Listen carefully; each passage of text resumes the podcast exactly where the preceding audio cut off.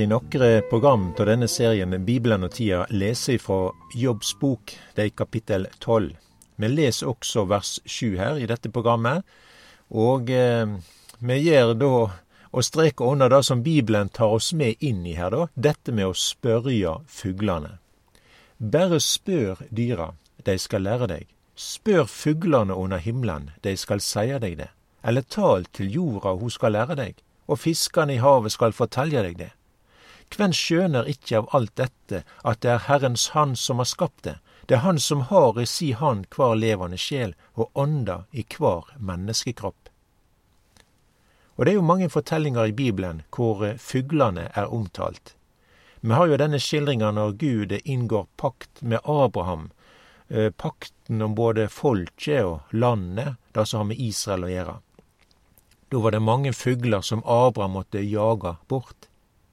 Vi ser òg fortellinga med ravnen og dua, dette med Noas ark.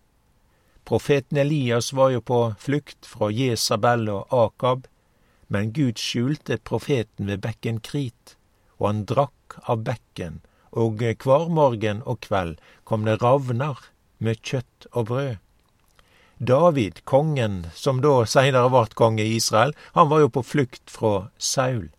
Han gjøymer seg i hålene der ved Dødehavet, og så opplever da David seg som ei rapphøne i fjellet.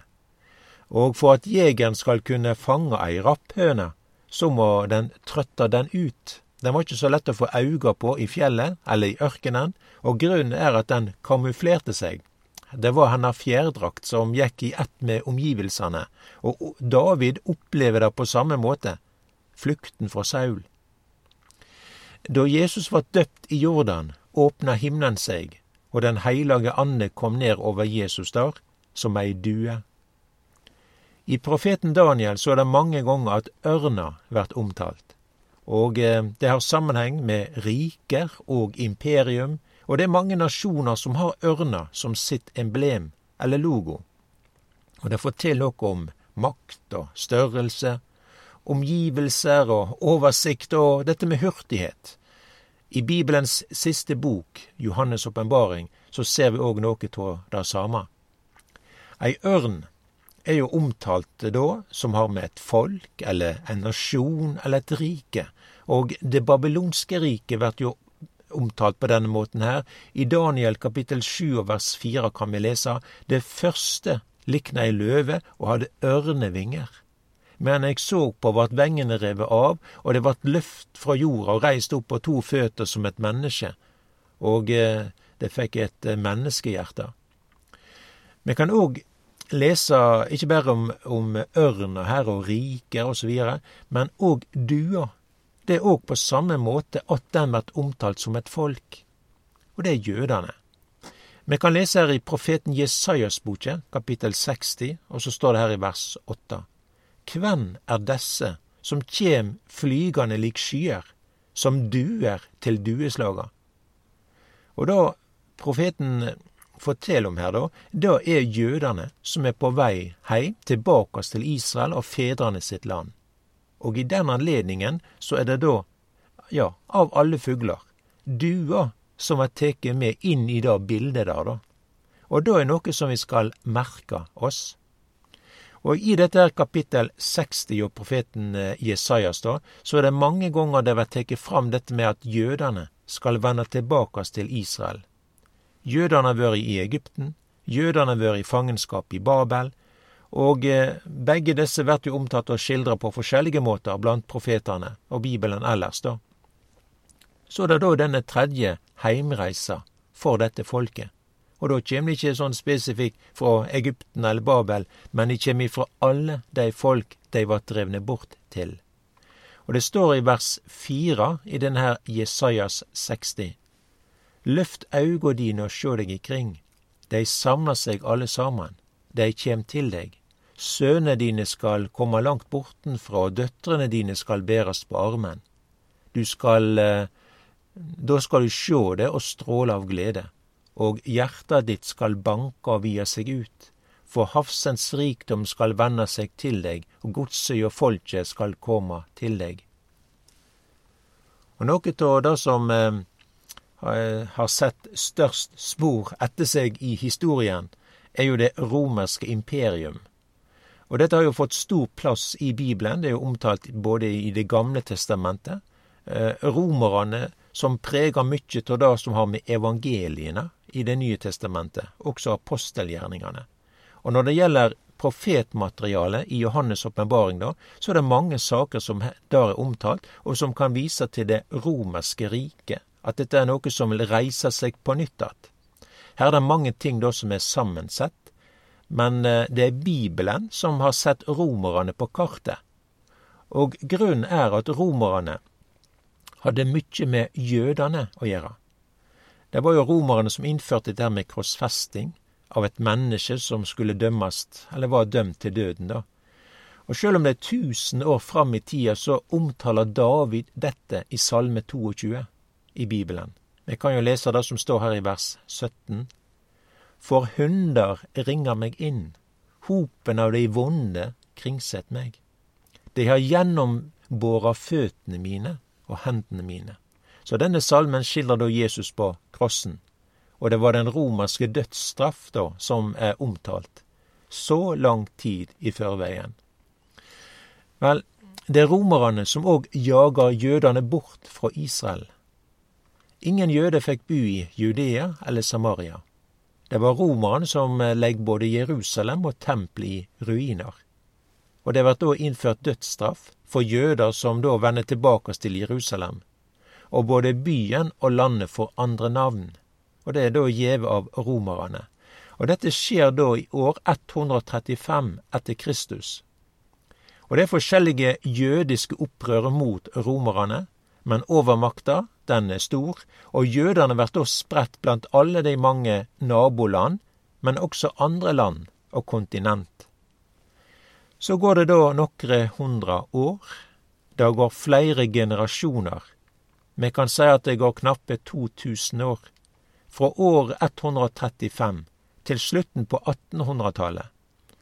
Da er det da at eh, dette med at jødene vender tilbake til Israel så smått. Kibbutzlivet tek til. Folket går i gang med å dyrke landet. Sump og myrer blir bytta ut med korn og dyrka mark. Malariamyggen må ha vært bytta bort med grønnsaker og frukter.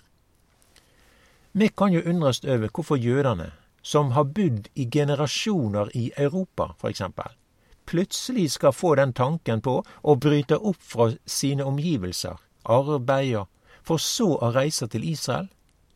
Mange av deres generasjoner er jo knytta til landet de har bodd i, bygda og byen. Allikevel reiser de til Israel. Og den sammenhengen her, så er det da at dua blir omtalt. Jødene er som ei due. Og det er denne egenskapen dua har, er at den alltid vender heim att. På samme måte er det òg med jødene og Israel. Du kan ta ei due og reise langt bort med den, både i tid og rent sånn geografisk. Og når du da slipper den laus, så flyg da dua mot himmelen. Den tar noen sveip over jorda sånn da, for å orientere seg, og eh, tek da raskt til på heimveg. Dua har på en måte en sånn GPS den har noe den kan orientere seg med, aust og vest og sør og nord. Den kan dette her med å navigere. Og så veit den da hvor den hører heime, og finn veien da heim att lett. Landet og folket, det hører i sammen. Og det er Israel. Det er på samme måte her. Og vi kan jo òg lese her da fra Jobbs bok, der det står da omtalt på denne måten med å spørja fuglane, og dei skal fortelja deg det og spør meg da ei due korleis den har fått tak i et sånt navigasjonssystem, så kan da dua fortelle da at dette her er noe som dua har fått. Det er gjeve henne av sin skaper. Og i Bibelen er dua omtalt som den reine fuglen. Den kunne brukes på brennofferalteret i tempelet, og brennofferet, det handler om en stedfortredende død. En soning har det med å gjøre, og dette med blodets betydning. Alt dette har med brennofferet å gjøre. Og her ser jo vi evangeliet på en klar og tydelig måte. Den døden Jesus døde, var en stedfortredende død, en soningsdød, og du har dette da med blodets virkning og betydning. Du har dette store privilegium å komme tett på evangeliet. Spør dua, og den skal fortelje deg det. Men dua forteller òg om et folk, og det er jødene. På samme måte som vi ser dua med sitt navigasjonssystem og sin retningsorientering alltid vende heim til den staden den kom fra. På samme måte er det med det jødiske folket. Og vi leste her ifra Jesajas 60 og vers 8. Hvem er desse som kjem flygande lik skyer, som duer til dueslaga? Jødene de vart jaga bort fra landet sitt. Det har gått lang tid. Jødene har levd i hundrevis av år, generasjoner etter generasjoner, blant andre folk, kulturer og språk og religion. Men i en generasjon i dag, da, så ser vi dette folket, jødene, vende tilbake til det landet som Gud lover Abraham, Isak og Jakob. Og eh, det er ikke noe som eh, folk kan følge på en sånn måte, rent sånn historisk, som vi har med det jødiske folket. Og grunnen til dette her er at Bibelen, altså alt dette her, det er en frelsesdokumentasjon. På samme måte som du ser at dua bærer et vitnesbyrd om at den har en skaper, som har kledd den i den reineste fjærdrakt, med utstråling og med mange rike evner til å orientere seg, og alt dette her med å vende tilbake til heimen, på samme måte er det med det jødiske folket. Her er det et folk som forteller om Israels Gud, som er virksom. Og jødene har mange rike evner, og på en forunderlig måte så vender de da tilbake til det gamle Israels land, og de kommer fra øst og vest og sør og nord. De har til og med språket sitt, som de prata for 2000 år sia, hebraisk. Og det var jo ikke så lett for profeten å fortelle at jødene skulle komme i vår tid da med fly til Israel. Nei, da sier han på denne måten at de kjem som duer til dueslaga. Og hver veke kjem det nye emigranter fra ulike deler av verden. Det er jøder som vender heim til fedrene sitt land. I profeten Jesajas boke 43 og vers 5 Vær ikkje redd, eg er med deg. Fra Austerlandet vil eg la de ett komme, og fra Vesterlandet vil eg samle deg. Ja, eg vil si til landet i nord, gjev deg hit, og til landet i sør, hold deg ikkje att. Lat sønene mine komme langt bortenfra, og døtrene mine fra enden av jorda.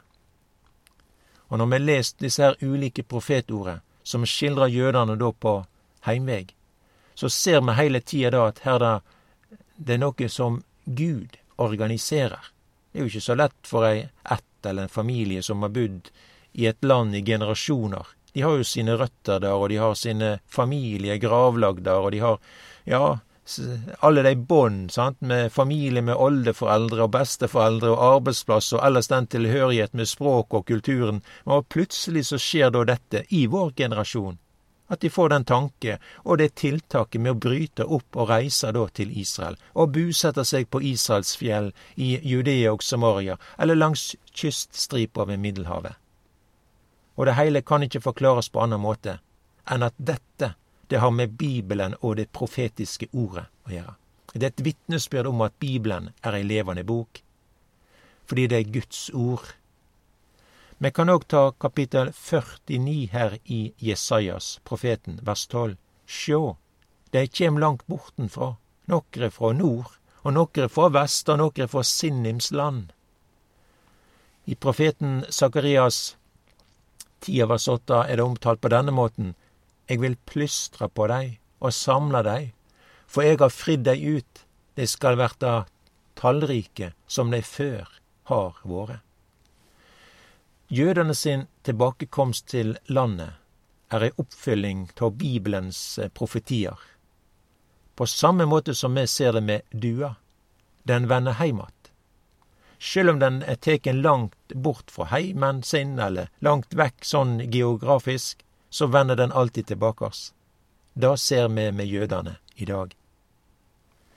Dua har en veldig sentral formidling av evangeliet. Det var den som vart lagt på brennofferalteret. Men du har òg ei formidling av det profetiske ordet. Det er jøden og Israel. Vi ser dette teiknet, vi ser det som profetene fortalte. Vi er en generasjon som ser det med våre øyne. Vi hører det med våre ører. Og det er et vitnesbyrd om at Jesus kommer snart igjen.